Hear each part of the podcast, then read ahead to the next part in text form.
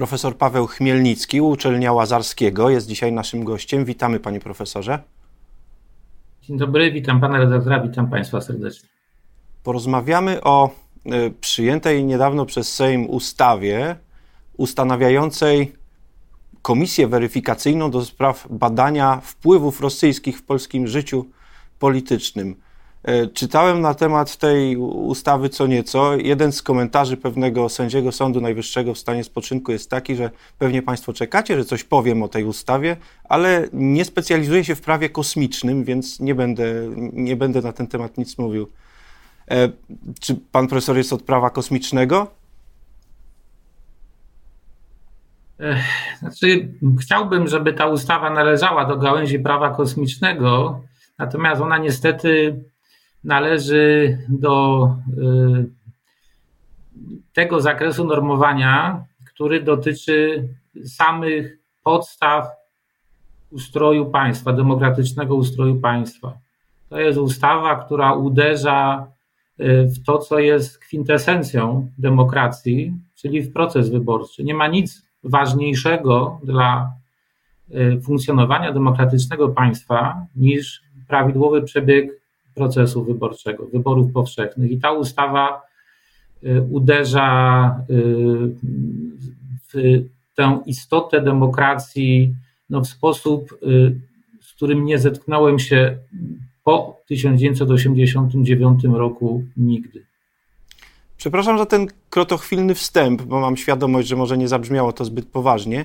Niemniej jest faktem, że Sejm ustawę uchwalił. Ona jeszcze nie jest obowiązującym prawem, ponieważ trafiła do Senatu, gdzie będzie poddana procesowi legislacyjnemu, potem być może wróci jeszcze do Sejmu, potem jeszcze będzie na biurku prezydenta, który może ją podpisze, może skieruje do Trybunału, nie wiemy na tym etapie.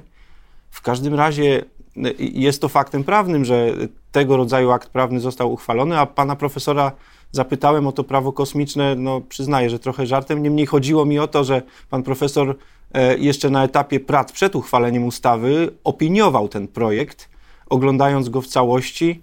E, no i wyraził opinię, którą przed chwilą, przed chwilą słyszeliśmy. Czy faktycznie jest to coś tak niebywałego, co jeszcze się nie odbyło w, w naszej rzeczywistości?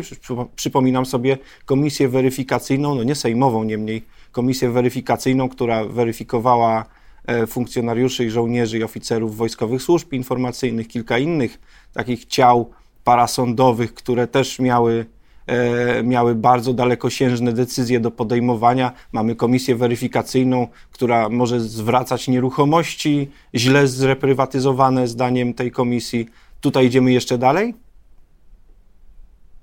Zdecydowanie tak. Y, rzeczywiście autorzy tego projektu, także w ramach dyskusji parlamentarnej, y, powoływali się na y, między innymi te regulacje, o których wspominał pan redaktor, y, jako na rzekome, że tak powiem, precedensy, czy rzekome regulacje no, podobne, y, zbliżone swoim charakterem, czyli takie, które jakby stanowią no, normalny element y, polskiego mm, porządku prawnego. To nie jest prawda.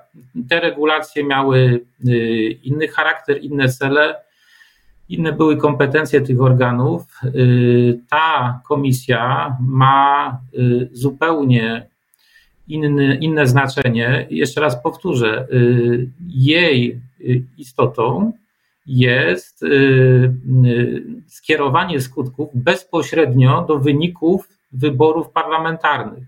Żadna inna komisja wcześniej takich skutków nie miała wpisanych w same realne, podkreślam realne, a nie oficjalnie zgłaszane założenia. Jeżeli spojrzymy na możliwość realnego oddziaływania tej komisji, to dokładnie e, tak to się właśnie przedstawia. Zresztą wystarczy zwrócić uwagę na datę, e, która jest przyjęta w samej ustawie jako data ogłoszenia pierwszego, pierwszego raportu.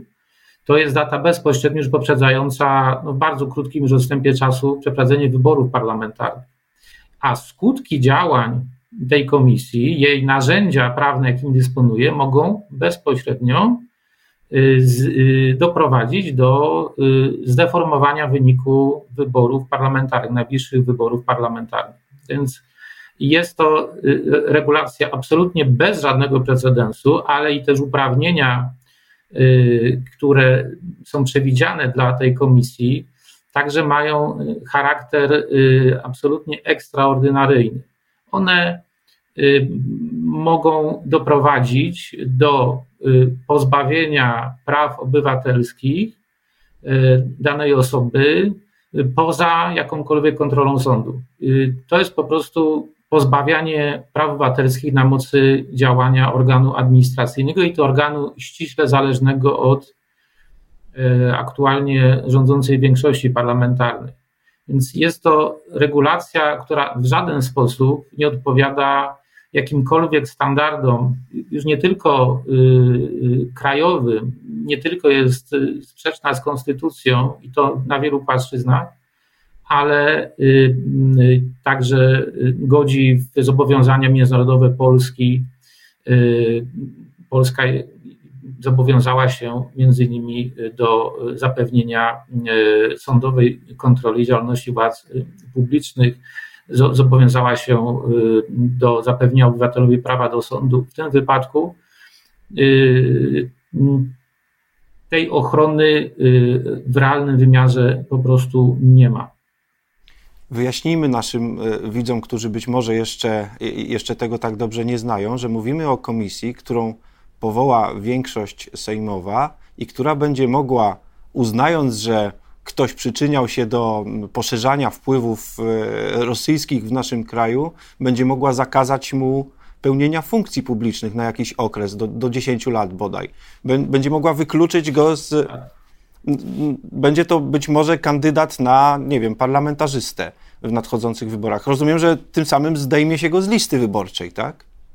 Całą pewnością i z całą pewnością y, w pierwszej kolejności chodzi właśnie o te osoby, co wynika jakby z całej konstrukcji tej ustawy, z powiedzmy w cudzysłowie przesłanek, jakimi się komisja kieruje, w cudzysłowie dlatego, że przesłanki y, no, są tutaj też określone w zasadzie pozornie, y, dają komisji możliwość absolutnie niezgodną z konstytucją y, samodefiniowania swojego zakresu działania, co jest niebywałe i niedopuszczalne konstytucyjnie.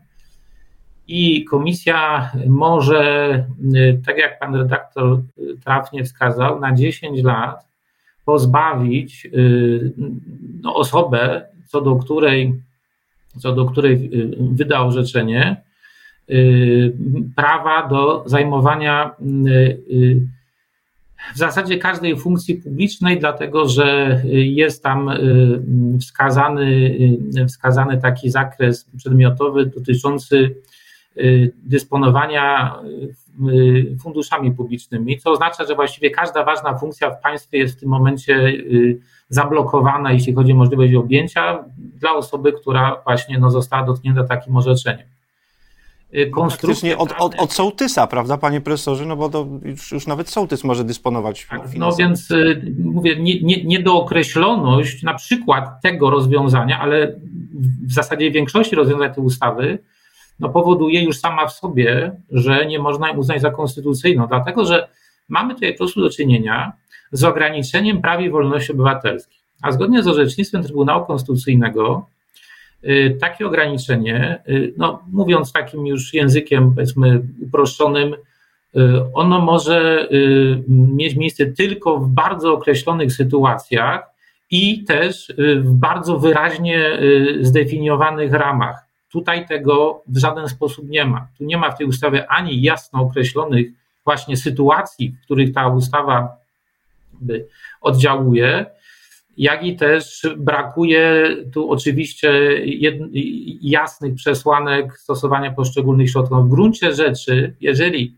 jeżeli już y, mamy to y, zdefiniować od strony y, prawoznawstwa, to ta komisja ma niezwykle szeroki zakres swobody uznania, a właściwie nawet nie wiem, czy nie, nie, nie, nie lepszego słowa należałoby tu użyć jako po prostu dowolność działania, dowolność określania swojego przedmiotu działania, dowolność stosowania tych tak zwanych środków zaradczych. Yy, mało tego,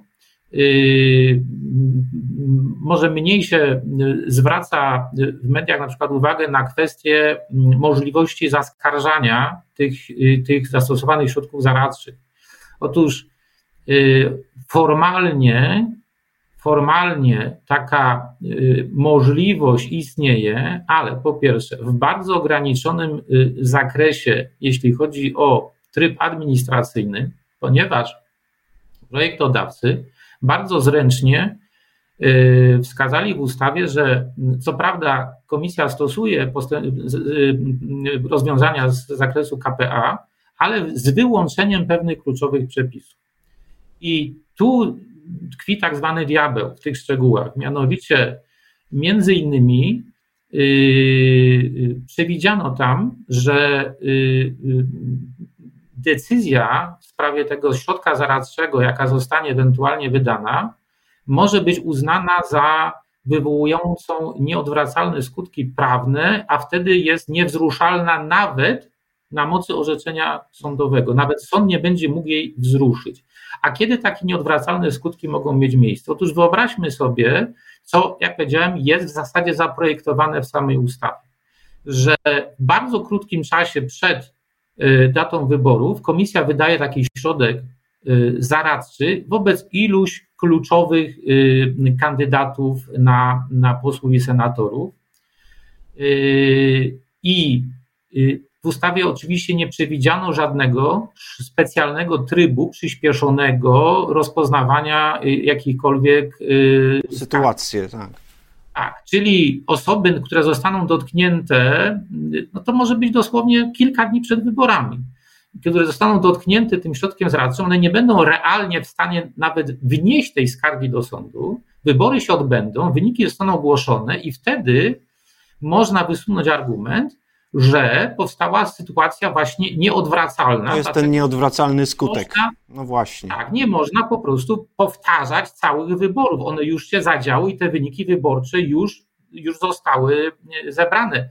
I w ten sposób osoba dotknięta tym środkiem, ona już nie może w ogóle liczyć na y, uchylenie jego mocy. Jest faktycznie wykluczona z życia publicznego w istocie rzeczy. To, jest, to tak do tego to dochodzi. Konstytucyjnym wydrążenie prawa, czyli formalnie ta ustawa teoretycznie nie zamyka drogi sądowej, ale tylko teoretycznie.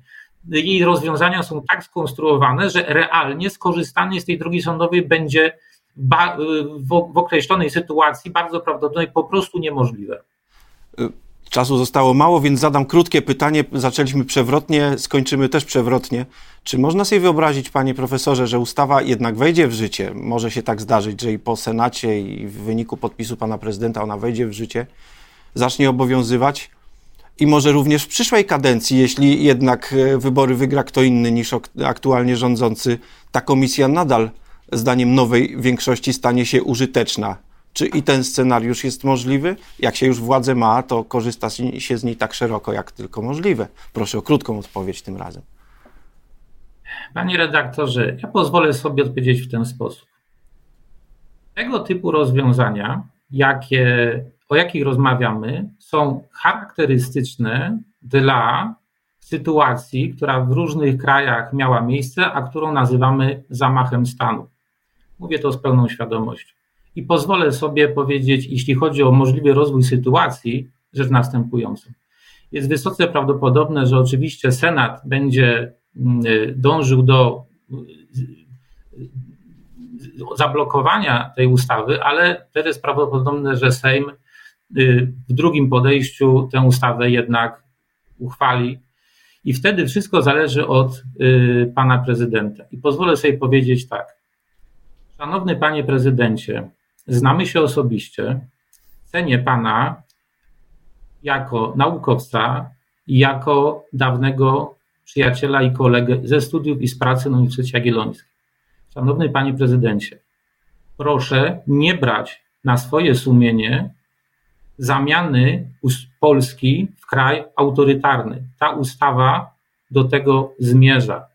Bardzo proszę skorzystać ze swoich kompetencji jeżeli ta ustawa zostanie uchwalona przez Sejm po przeprocedowaniu przez Senat, bardzo proszę o odmowy jej podpisu albo skierowania do Trybunału Konstytucyjnego.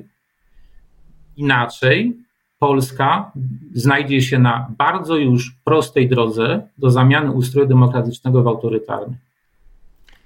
I kończymy bardzo poważnie. Profesor Paweł Chmielnicki, uczelnia Łazarskiego, był naszym gościem. Dziękuję za rozmowę. Dziękuję bardzo.